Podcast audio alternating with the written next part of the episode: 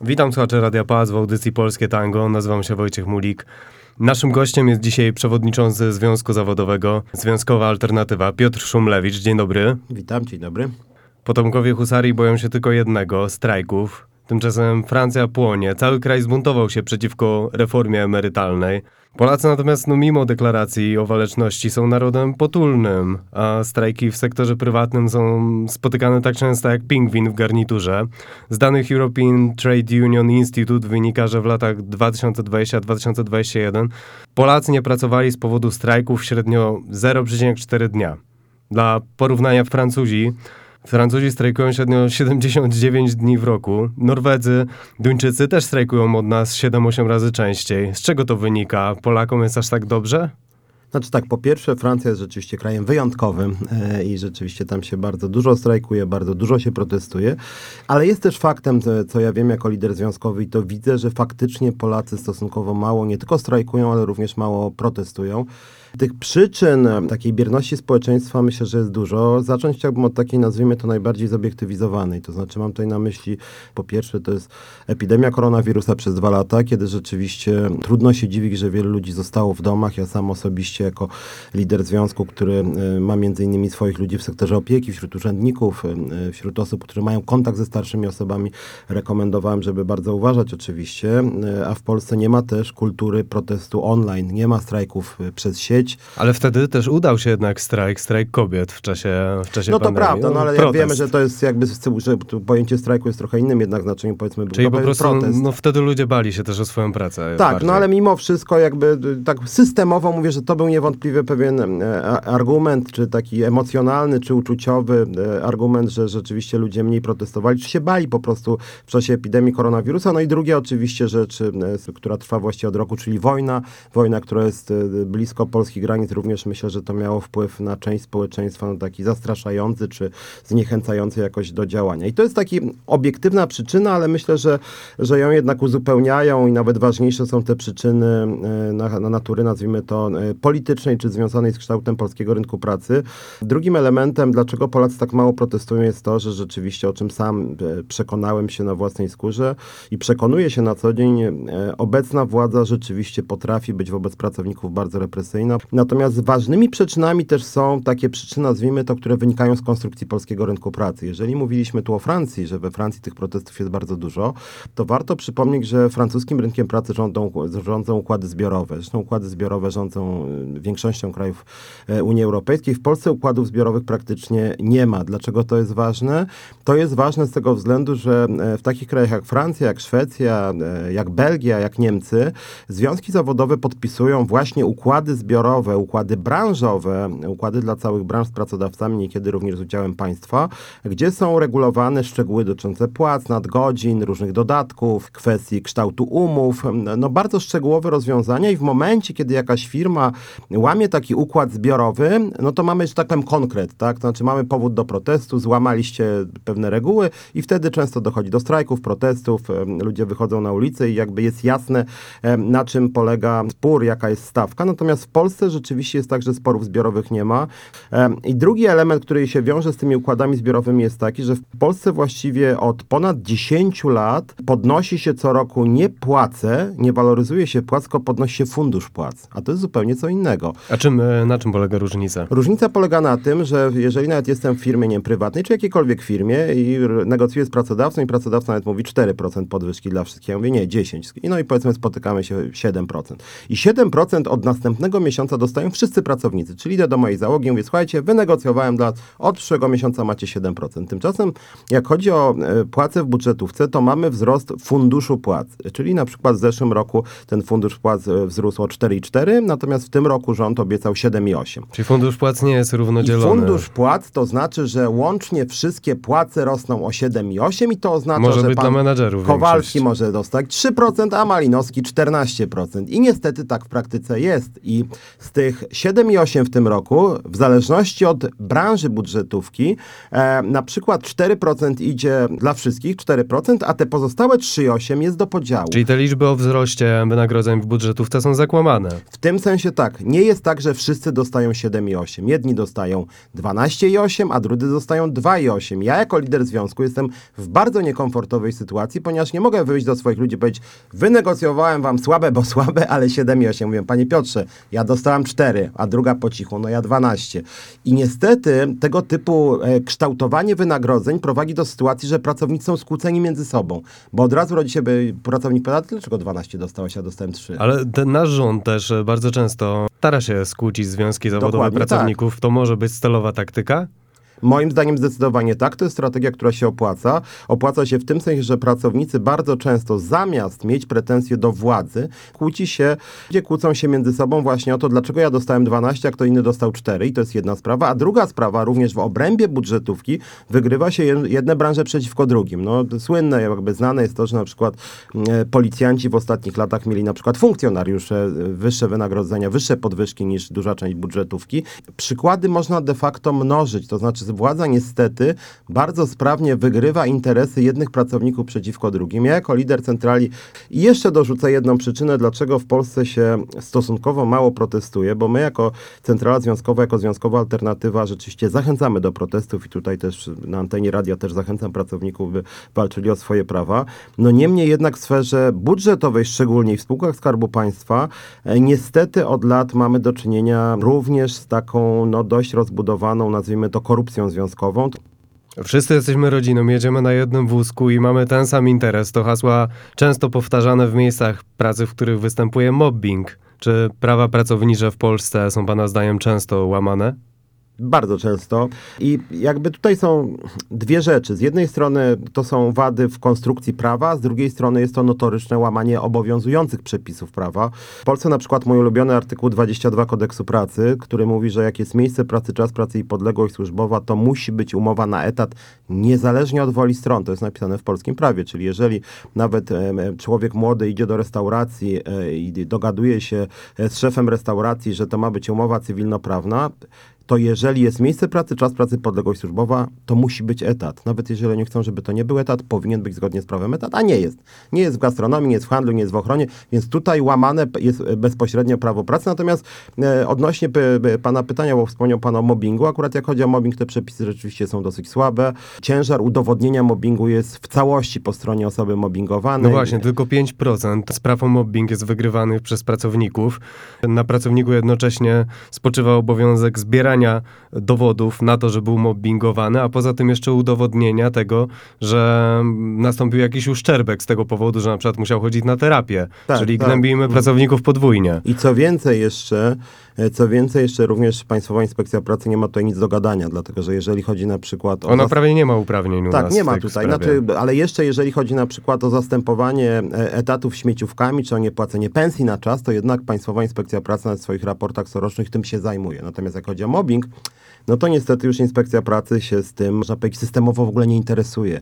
I tu jest rzeczywiście poważny problem. Również sankcje za mobbing są bardzo niskie. Sobie porównamy z tym, co jest w Belgii, Francji, to znacznie tam są dalej idące kary. Z tego co pamiętam, nawet we Francji w grę wchodzi więzienie po prostu. Ograniczenie wolności dla takiego nieuczciwego pracodawcy, co moim zdaniem jest o tyle e, uzasadnione, że mobbing czy dyskryminacja są formą przemocy w pracy, a za przemoc w kodeksie karnym grożą sankcje, no właśnie, karne po prostu, wysokie sankcje karne, w tym więzienie. Więc myślę, że tutaj jak chodzi o mobbing, te przepisy naprawdę powinny być bardzo rozbudowane, sankcje powinny być większe. Bolesna prawda jest taka, że strajkujemy nawet rzadziej niż najbardziej zafiksowany na punkcie pracy naród świata, czyli Koreańczycy. W nieco większej od Polski Korei średnio w roku strajkuje 77 tysięcy osób. Oczywiście są też państwa, w których strajkuje się mniej niż u nas. Jest to na przykład Rosja. E, Czy pana zdaniem my mamy problem też e, ze społeczną solidarnością? Znaczy powiem o dwu, dwóch rzeczach, dlatego że jedna rzecz to jest ustawodawstwo dotyczące e, strajków i to jest tak zwana ustawa o rozwiązywaniu sporów zbiorowych. I tutaj e, no, muszę krytycznie odnieść się do polskich polityków i to tak obozu rządzącego, jak i opozycji, dlatego że obecnie jest procedowana w Sejmie, czy właściwie obecnie to jest na etapie rządowym, jest negocjowana nowelizacja tej ustawy o rozwiązywaniu sporów zbiorowych, która bardzo ogranicza prawo do strajku, a wręcz delegalizuje strajki tych mniejszych organizacji e, związkowych, których u nas jest sporo. No właśnie, w jaki sposób e, ta ustawa będzie to ograniczała? Ta ustawa w ten sposób to ogranicza, że e, tam jest między innymi zapis o tym, że w spory zbiorowe będą mogły wchodzić tylko organizacje tak zwane reprezentatywne, czyli te większe związki zawodowe, te małe samodzielnie w ogóle nie mogą wchodzić, czyli one nie tylko nie mogą strajkować, one nawet nie mogą wchodzić w spory zbiorowe, a spór zbiorowy to jest pierwszy etap na drodze do strajku, czyli one w ogóle nawet nie będą de facto samodzielnie mogły formułować postulatów, no, które są podstawą do sporu z pracodawcą, więc to jest, bym powiedział, takie no właściwie częściowa delegalizacja tych mniejszych związków zawodowych. My, jako Związkowa Alternatywa, bardzo ostro się temu sprzeciwiamy, chociażby dlatego, że jeżeli jakiś, na przykład nasz mniejszy związek wchodzi w spór zbiorowy i dochodzi do etapu referendum strajkowego, no to jeżeli związek jest mały, no to po prostu nie przekona pracowników. No to czego ten pracodawca się boi? E, więc, więc, Ale cofnijmy się jeszcze, żeby wytłumaczyć też, może ewentualnie słuchaczom, jak wielkie jest ograniczenie strajków w Polsce. Na koniec 2020 roku w Polsce działały 4,9 miliona podmiotów e, gospodarczych, z czego 4,8 zatrudniało od 0 do 9 osób. Tymczasem zakładową organizację związkową można założyć mając co najmniej 10 osób Mm, zatrudnionych w firmie, czyli co, większość, zdecydowana większość firm w Polsce nawet z tymi ograniczeniami nie ma prawa do zorganizowania tu jest, strajku. Znaczy jest jeszcze możliwość e, działania w związkach międzyzakładowych i my jesteśmy w ogóle jako centrala związkiem międzyzakładowym, czyli każdy z ulicy może do nas należeć. No i generalnie, jeżeli na przykład byłby pomysł na strajk e, w sieci przedsiębiorstw, których na przykład nie ma 100 placówek i w każdej jest 7 osób na przykład, e, no to wtedy my możemy założyć związek międzyzakładowy i w każdym z tych firm będzie po 4 osoby. Natomiast A czy nie będzie potrzebne referendum, do którego będzie potrzebne 50% zgody Tak, trzeba będzie referendum no zrobić. Ty, tylko, że ja jedną rzecz chciałem podkreślić, dlaczego tych strajków nie ma, bo warto też o tym jednak powiedzieć. To jest też moja pretensja, no właśnie nie tylko do tego rządu, do chyba wszystkich rządów od 89 roku. Generalnie rzecz biorąc, pracodawcy naprawdę bardzo dużo robią, żeby zastraszyć związkowców, którzy chcą strajkować. Dałem przykład ZUS-u, gdzie zwolniono naszą liderkę, gdzie również pozwy się sypią. Myśmy też tam ogłosili referendum strajkowe. To pani prezes Gertruda Uścińska ogłosiła, że ona po prostu nie uznaje referendum, nie uznaje sporu zbiorowego. Zgłosiła sprawę do prokuratury, że my, chce, że my chcemy zrobić strajk. Nie, że zrobiliśmy strajk. Ona zgłosiła sprawę do prokuratury, że my zamierzamy zrobić strajk. Zresztą to samo było w polskich liniach lotniczych LOT. W związku z tym już na samym etapie przygotowań do strajku pracodawcy, również ci państwowi, zastraszają pracowników, kierują sprawy czy to do sądu, e, czy to do prokuratury. W związku z tym, no to to są takie działania, które mają mieć charakter mrożący, tak? Czyli uważaj, drogi e, związkowcu, jeżeli tylko nawet pomyślisz o strajku, to już będziesz miał na głowie, czy to sąd, czy to prokuratora. Ja jestem fajterem, że tak powiem, też mam doświadczenie i znam prawo pracy, w związku z tym, jak ja widzę pozew, to ja się nie boję. Mówię, no proszę bardzo, nie macie państwo żadnych podstaw, przegracie ten proces po prostu. Natomiast jeżeli jakiś mniejszy związek, w którym też, e, który nie ma swoich prawników, e, który, który nie ma swoich doradców, e, widzi pozew, na którym jest napisane, że jest, nie wiem, groźba zapłacenia, nie wiem, 40 tysięcy złotych e, e, za, nie naruszenie dóbr osobistych firmy, no to się po prostu boi. Ale odpowiadając też na pana pytanie, bo trzeba być jednak uczciwym, to nie tylko tak, że władza jest represyjna, tam władza wszystkich zastrasza, a ludzie są wspaniali. No jest niestety też tak, że rzeczywiście z wielu przyczyn historycznych, może, może to jest też kształt edukacji, przekaz medialny, ale jest coś takiego, że rzeczywiście w ostatnich latach Polacy są społeczeństwem dość biernym. Ale czy to, to ma coś wspólnego z upadkiem komuny, z tym, że dostaliśmy wolność, zachłysnęliśmy się tym kapitalizmem? W latach 90. nie było dobrze, no ale później zaczęło być lepiej. Czy to w jakiś sposób nie zakodowało nam tego, jak już zaczęło być lepiej, że nie powinno się już strajkować, biorąc też pod uwagę ten system represyjny, straszenia nas? No bo nie ma też jakichś twardych dowodów na to, że my jesteśmy jakimś e, totalnie niesolidarnym społeczeństwem. Potrafimy się też zorganizować, jak w proteście kobiet. Więc ja po prostu często zastanawiam się, że to ma coś wspólnego bezpośrednio z upadkiem komuny. No, jesteśmy krajem, który ma ogromną tradycję związków zawodowych. W pewnym momencie to powiem tak, upadło. mhm. Co się stało po drodze? Czy jestem liderem związkowym i, że tak powiem, trochę mi nie wypada krytycznie mówić o pracownikach, ale z drugiej strony muszę też uczciwie przyznać, że czasem, i o tym wiedzą moi współpracownicy, doradcy, członkowie Związkowej Alternatywy, przyznam, że czasem sam się bardzo na ludzi denerwuję, y, że na przykład jako lider związku dostaję bardzo dużo maili. Panie Piotrze, pan to jest taki bojowy, to może niech pan zrobi ten protest, a my To jest takie podejście tak, żeby to za kogoś ktoś robił, tak? Popatrzymy. A ja mówię, przepraszam was, czyli tak, czy ja mam się dać rozstrzelać? Jak mnie nie rozstrzelają, to mi pogratuluj, pogratulujecie, jak mnie rozstrzelają, powiem, o, jaki to był bohaterski człowiek, no tak nam przykro. E, no i niestety taka trochę postawa jest, e, co jest bardzo dla mnie bolesne. Jest to postawa, która jest o tyle nieracjonalna, że na przykładzie czy to właśnie wspominanego przeze mnie lotu, e, czy to e, wspominanego przeze mnie ZUS-u, czy różnych nawet małych zakładów pracy, w których odnosiliśmy naprawdę duże sukcesy, wystarczyło, że część pracowników się postawiła i już pracodawca się bał. I ulegał. W związku z tym taka bierność się też nie opłaca. No bo gdyby na przykład w Zakładzie Ubezpieczeń Społecznych ponad 50% pracowników opowiedziała się za strajkiem, to przecież ten rząd by wpadł w totalną panikę. W Polsce ZUS obsługuje właściwie wszystkie podstawowe świadczenia społeczne.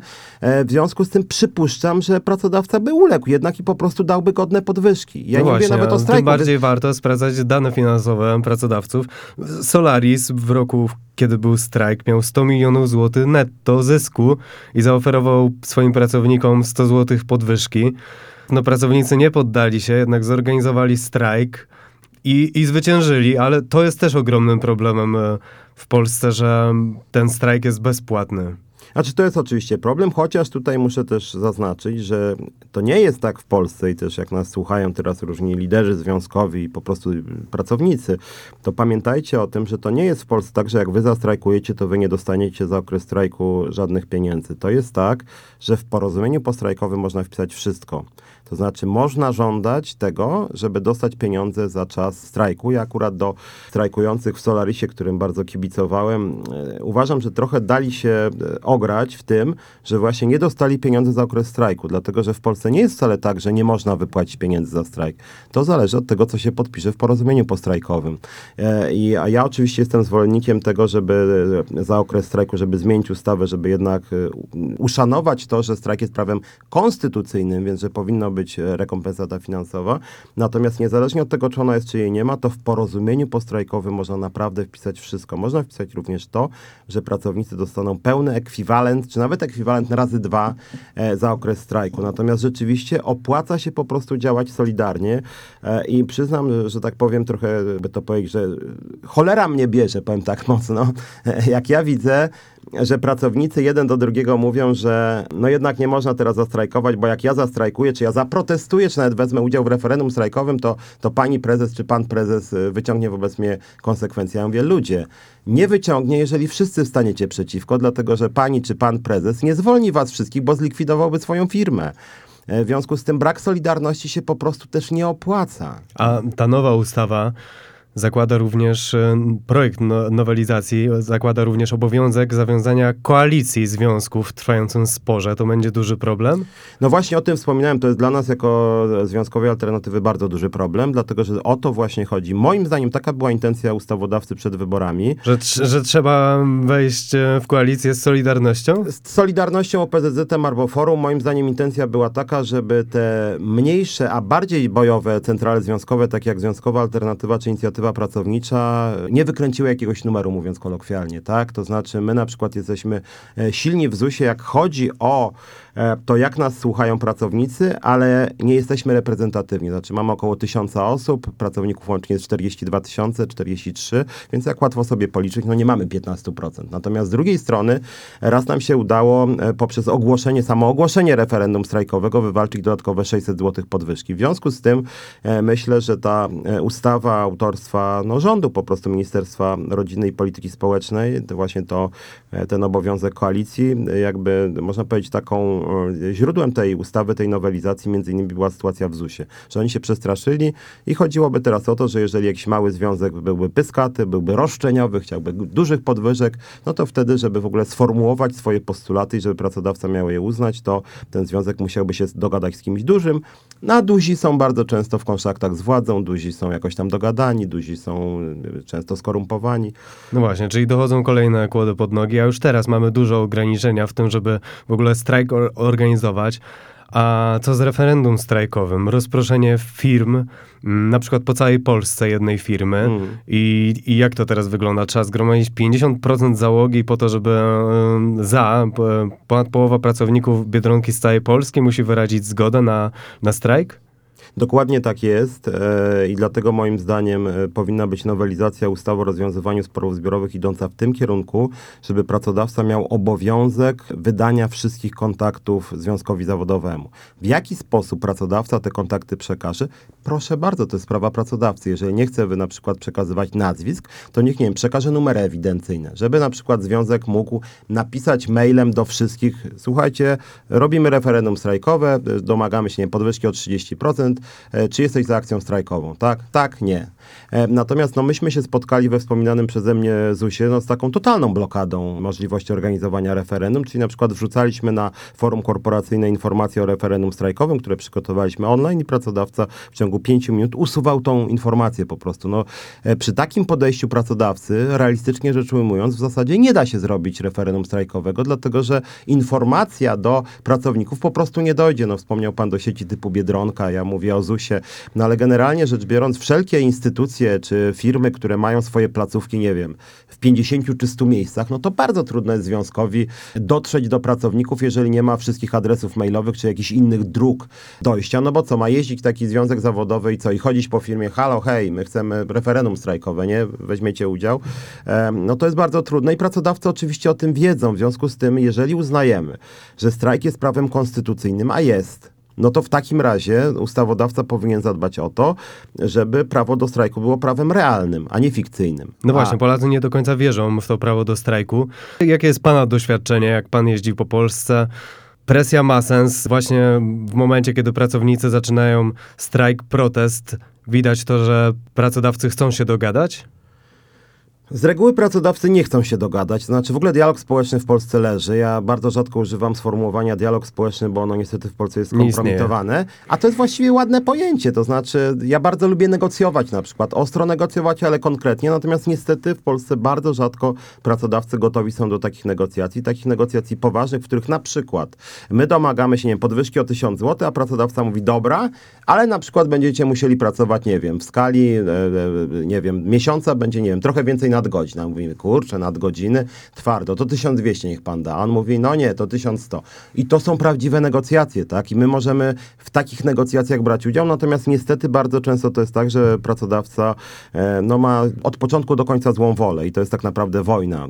I nie ma żadnego pola do jakiegoś e, konstruktywnego dialogu. Natomiast rzeczywiście, szczególnie w tej sytuacji, w której pracodawcy, szczególnie w tych instytucjach państwowych, ale też samorządowych mają bardzo dużo złej woli, no to cóż, to trzeba po prostu bardzo ostro walczyć. Yy, Przykład, o którego e, nie wspominałem, e, w Piotrkowie Trybunalskim na przykład nasz Związek Zawodowy Pracowników Socjalnych zrobił strajk ostrzegawczy i muszę powiedzieć, że to zadziałało. To był strajk ostrzegawczy dwugodzinny, niemniej jednak pracodawca się przestraszył i e, te propozycje płacowe, które nastąpiły 2-3 miesiące później już były znacznie bardziej atrakcyjne niż te, które formułowano wcześniej, czyli w momencie, kiedy pracodawca widzi, że ludzie są zdeterminowani, że naprawdę już mają dosyć, że są gotowi do odejścia od czy od stanowisk, to wtedy jednak bardzo często działa. Więc tutaj to jest taki element optymistyczny, można powiedzieć. Ale pewnie jednym z elementów tego, że Polacy nie chcą strajkować, jest właśnie oczywiście lęk i to, że mamy rząd, który chce represjonować ze strajki. Ta nowa nowelizacja, ta nowelizacja zakłada wprowadzenie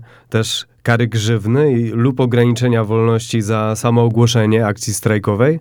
No właśnie, to jest rzecz, która mnie przeraziła i muszę powiedzieć, że bardzo z takim smutkiem zauważyłem, że partie opozycyjne jakoś, e, jakby to powiedzieć, nie czują, że to jest groźne, chociaż moim zdaniem to jest bardzo groźne e, i e, Może mają nadzieję, że dojdą do władzy i to nie byłoby w Być ich może interesie. tak. To znaczy już tak mówiąc trochę cynicznie, że tak powiem, to niezależne związki zawodowe są niewygodne dla każdej władzy tak naprawdę. Jeżeli, nie władzę przejmie, nie wiem, Platforma z Lewicą i Hołownią, to również niezależne związki zawodowe będą dla nich niewygodne, ale jeżeli opozycja na serio traktuje pojęcie praworządności, no to rzeczywiście wpisywanie w ustawę groźby kar za samo ogłaszanie akcji strajkowych, no to jest moim zdaniem gruba sprawa. No ja no przypomnę, że de facto no, no w PRL-u karano za same zapowiedzi akcji strajkowych. No to, e, to tak jak ja... My mamy, można powiedzieć, że my mamy teraz mniejsze prawo do strajków, taka jest powszechna opinia, niż w 1989 roku?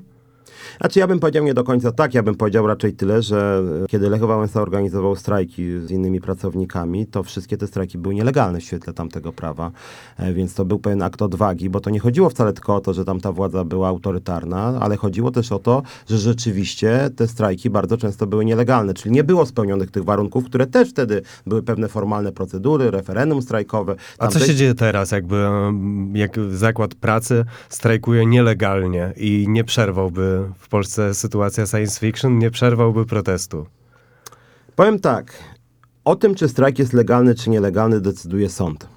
W związku z tym, jeżeli by, by dana, dany związek zawodowy zrobił tak zwany strajk na rympał, czyli bez referendum strajkowego, bez żadnych negocjacji, bez mediacji, to oczywiście tak na oko to byłoby nielegalne, więc jak ludzie mnie pytają, dobra, to co Piotrek, radzisz tak zastrajkować, to mówię, słuchajcie, Generalnie radzę być ostrożnym, bo znam dobrze przepisy prawa i chronię swoich ludzi.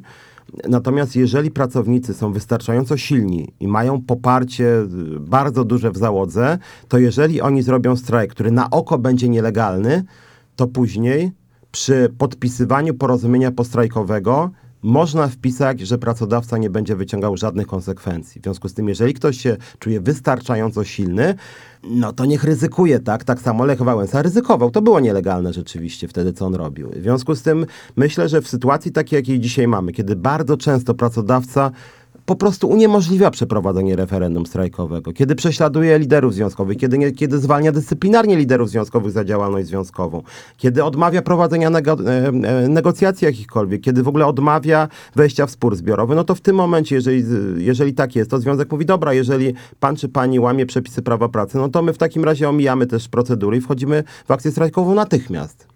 I co się później stanie? Oczywiście wtedy pracodawca pójdzie na, do prokuratury albo do sądu. No i pytanie wtedy, kto wygra, tak? No, w takich instytucjach jak, nie wiem, właśnie wspominany przeze mnie ZUS, czy Skarbówka, czy pracownicy cywilni policji, czy pracownicy, nie wiem, GUS-u, mnóstwa instytucji publicznych. E, jeżeli by tak ostro zaczęli grać, to moim zdaniem państwo by musiało się jakoś z nimi dogadać. No bo co, no, jeżeli na przykład ZUS by stanął, to co by państwo zrobiło? Wszystkich do więzienia zamknęło? No nie mogłoby. Polska to kraj, gdzie w firmach jest wiele pojedynczych konfliktów. Czy to nie jest problemem jakimś dla pracowników, dla Polaków to, że związki zawodowe nie, nie uczestniczą za bardzo w rozwiązywaniu e, spraw indywidualnych? Czy to nie jest tak, że Polacy oczekują większego zaangażowania w kwestiach indywidualnych, skoro oczekują, że ktoś zrobi coś za nich? No trochę tak, dlatego ja bardzo często na przykład y, spotykam się z takimi sytuacjami. Wspominałem, że dużo osób do nas pisze, czy to przez Facebooka, czy Twittera, jakieś inne media społecznościowe. I bardzo często spotykam się z taką sytuacją, że ktoś do mnie pisze, panie Piotrze, pan jest liderem związkowym, to proszę mi załatwić, bo mam taką sprawę, że pracodawca, nie wiem, zwolnił mnie z pracy albo nie wypłacił mi 500 zł dodatku. A ja mówię, zaraz, a pan należy do naszego związku. No, jeszcze nie należy, ale jak pan mi załatwi, to ja chętnie wstąpię. Mówię, wie pan, no to tak nie może wyglądać. Zresztą niech pan pamięta o tym, że w polskim prawie związki zawodowe walczą de facto o prawa pracownicze wszystkich pracowników. Jeżeli my jako związkowa alternatywa wywalczymy, nie wiem, gdziekolwiek, bądź w ZUS-ie, locie, skarbówce, nie wiem, 1000 zł podwyżki, to wszyscy dostaną tą podwyżkę, nie tylko członkowie naszego związku. Natomiast inną sprawą jest to, że, że oczywiście związek walczy, powinien przynajmniej walczyć również o swoich indywidualnych członków. Natomiast źle się dzieje, e, jeżeli dana, dany pracownik w ogóle nie interesuje się warunkami pracy w firmie dla wszystkich, tylko chce, żeby po prostu jemu załatwić jedną sprawę. Załatwi mu się jedną sprawę i występuje ze związku. No niestety to jest często spotykana postawa, która no, motywująco nie działa. A w kwestii tego, dlaczego Polacy nie chcą strajkować, czy źle się stało, że szef ZNP Sławomir Broniarz ogłosił w pewnym momencie przerwanie protestów, które były dosyć skuteczne i wtedy miliony Polaków zadawało sobie pytanie, jak to? Przecież y, takim dobrze szło, byli tacy zdeterminowani, pokazali te paski z płacami, rząd przetrzymał ich niecałe trzy tygodnie i to wystarczyło, aby zrezygnowali. I wtedy w milionach głów pojawiła się jakaś refleksja, to strajkowanie nie ma sensu. Źle się wtedy stało? Bardzo źle się wtedy stało. Ja nie chcę to jakoś za bardzo spekulować, bo jakby wyglądało to trochę tak, jakby ktoś miał jakiś, nie wiem, hak na broniarza, czy jakby ktoś go czymś zaszantażował, dlatego że ten strajk de facto no tak został ścięty z dnia na dzień. E, I wracając do wcześniejszej części naszej rozmowy, broniarz nie, nie wynegocjował nawet tego, żeby ludzie dostali pieniądze za czas strajku, który, jak mówię, w porozumieniu postrajkowym można to było wpisać, że co prawda e, nauczyciele nic nie dostaną, ale przynajmniej dostaną ekwiwalent za okres strajku. Nawet tego nie udało się ZNP osiągnąć, chociaż moim zdaniem akurat na to władza by przystała. Więc ja byłem, przyznam, zszokowany i to rzeczywiście podcięło e, skrzydła bardzo wielu pracownikom. Wtedy rozmawiałem z wieloma e, nauczycielami. No ja jakby o tyle miałem powody do dumy, że wcześniej byłem współorganizatorem strajku w locie, który był wygrany. Natomiast dlaczego obroniarz wtedy przerwał ten strajk? Przyznam szczerze, nie rozumiem. Do dzisiaj właściwie my również mamy nauczycieli w naszych szeregach. Jak z nimi rozmawiam, to oni mówią, że bardzo trudno będzie zrobić strajk, bo ludzie cały czas są w branży szkolnictwa podcięci tą, tamtą sytuacją i boją się, że jak się zaangażują w strajk, to później jakaś centrala, jakaś góra powie, no sorry, ale Kończymy, uznaliśmy, już koniec. kończymy. I ludzie rzeczywiście wtedy tego nie rozumieli, więc myślę, że e, no, to było bardzo złe. Bardzo złe, dlatego że przerwano, bardzo złe, że przerwano w sposób niezrozumiały i bardzo źle, że przerwano naprawdę nic e, nie dostając. Strajk nic. w branży, w której się prawie nie, nie, nie zdarza i który był bardzo skuteczny do pewnego poziomu. Dokładnie tak i warto jeszcze pamiętać, że to był strajk właściwie o dwie rzeczy. Kluczową oczywiście były pieniądze, ale to był też strajk o, bym powiedział, godność zawodu nauczyciela, dlatego że faktycznie ta pisowska władza za nauczycielami nie przepada, by nie powiedzieli, że minister obecny e, e, szkolnictwa, nauki, edukacji gardzi nauczycielami, więc to był też taki strajk mm, ludzi, którzy chcieli wstać z kolan. No i to, że kierownictwo ZNP ten strajk przerwało, no niestety do dzisiaj ma bardzo smutne konsekwencje. Niestety są też dowody na to, że brakuje nam e, solidarności społecznej, dlatego że ograniczenia w strajkach to jedno prawne, ale druga sprawa to to, że w miejscach, gdzie one już się odbywają, jedynie 34,3% załogi uczestniczy w tym strajku. Aczkolwiek wie, wie, wie pan co, tutaj to ja uważam, że to wcale nie jest taki zły wynik. Ja przypomnę, że e, w locie, w tym wspominanym przeze mnie strajku, brało udział jako strajkujących około 10% załogi. E, e, Z tego co pamiętam, nieco więcej poszło na zwolnienia lekarskie, więc tak jakby pobocznie wspierając. Natomiast te strajkujących 10% wywalczyło to, co chciało de facto, czyli jak mówię, 1000 zł miesięcznie dla każdego. W związku z tym, gdyby w dużo większej liczbie firm strajkowało 34% załóg, to naprawdę byłby niezły wynik, bo ja przypomnę, konstrukcja, e, konstrukcja strajku w Polsce jest taka, że musi być referendum, w którym bierze udział ponad 50%, a później jest prawo do strajku, w którym może brać udział 2%, 4, 8 albo 90, tak? E, natomiast e, w takich kluczowych instytucjach państwowych, ale też w wielu firmach prywatnych, Potężny problem dla firmy już jest wtedy, jak strajkuje 15%. W większości przedsiębiorstw 15% strajkujących. To już wystarcza. To już wystarczy, żeby firma była w panice. To ta liczba robi wrażenie, dlatego że no, patrząc na to logicznie, no jednak strajk traci swoje, swoją największą siłę rażenia, bo nie wstrzymuje działalności pracodawcy, więc ten może próbować przetrzymać protest. Mm. Czy jest jakieś logiczne wytłumaczenie, takie główne, dlaczego są aż tak drastyczne różnice między nami a zagranicą? Przecież te kraje są wielokrotnie bogatsze niż my. No ale może też między innymi dlatego, e, dlatego e, bardziej strajkują. Znaczy ja bym tu jeszcze do tego, co wcześniej mówiłem, dodał jednak takie czynniki, bym powiedział, może nie tyle kulturowe, co związane z e, taką konstrukcją polskiej debaty publicznej. Mam tutaj na myśli również przekaz edukacyjny. I to nie tylko zarządów Prawa i Sprawiedliwości, ale właściwie od wielu lat. W polskich szkołach od lat właściwie w ogóle się nie prowadzi żadnych zajęć na temat związków zawodowych. Mamy podstawy przedsiębiorczości, które nieco się zmieniły na przestrzeni lat, ale generalnie o takich rzeczach jak prawa pracownicze, jak związki zawodowe, jak nierówności społeczne. Bo bardzo jestem Bardzo ciekawy mało. badań na temat tego, ile najmłodsze pokolenie wie o związkach zawodowych. Ym, Niestety mam podejrzenie, że osoby poniżej 18 roku życia, ten odsetek osób, które nie wiedzą, czym związki zawodowe są, może być wysoki. Gorzej nawet, bardzo duża część e, Polaków, i to wcale nie tylko tych młodych, nie wie w ogóle, czym jest umowa o pracę. W związku z tym, e, jakby trudno im walczyć na przykład o to, żeby mieć bardziej stabilne zatrudnienie, jak część tych ludzi w ogóle nie wie, że może mieć bardziej stabilne zatrudnienie, więc tutaj ten przekaz edukacyjny niewątpliwie też jest ważny. Ważne jest też to w przekazie edukacyjnym, że w Polsce od lat e, no właściwie bardzo niewiele się uczy krytycznego myślenia.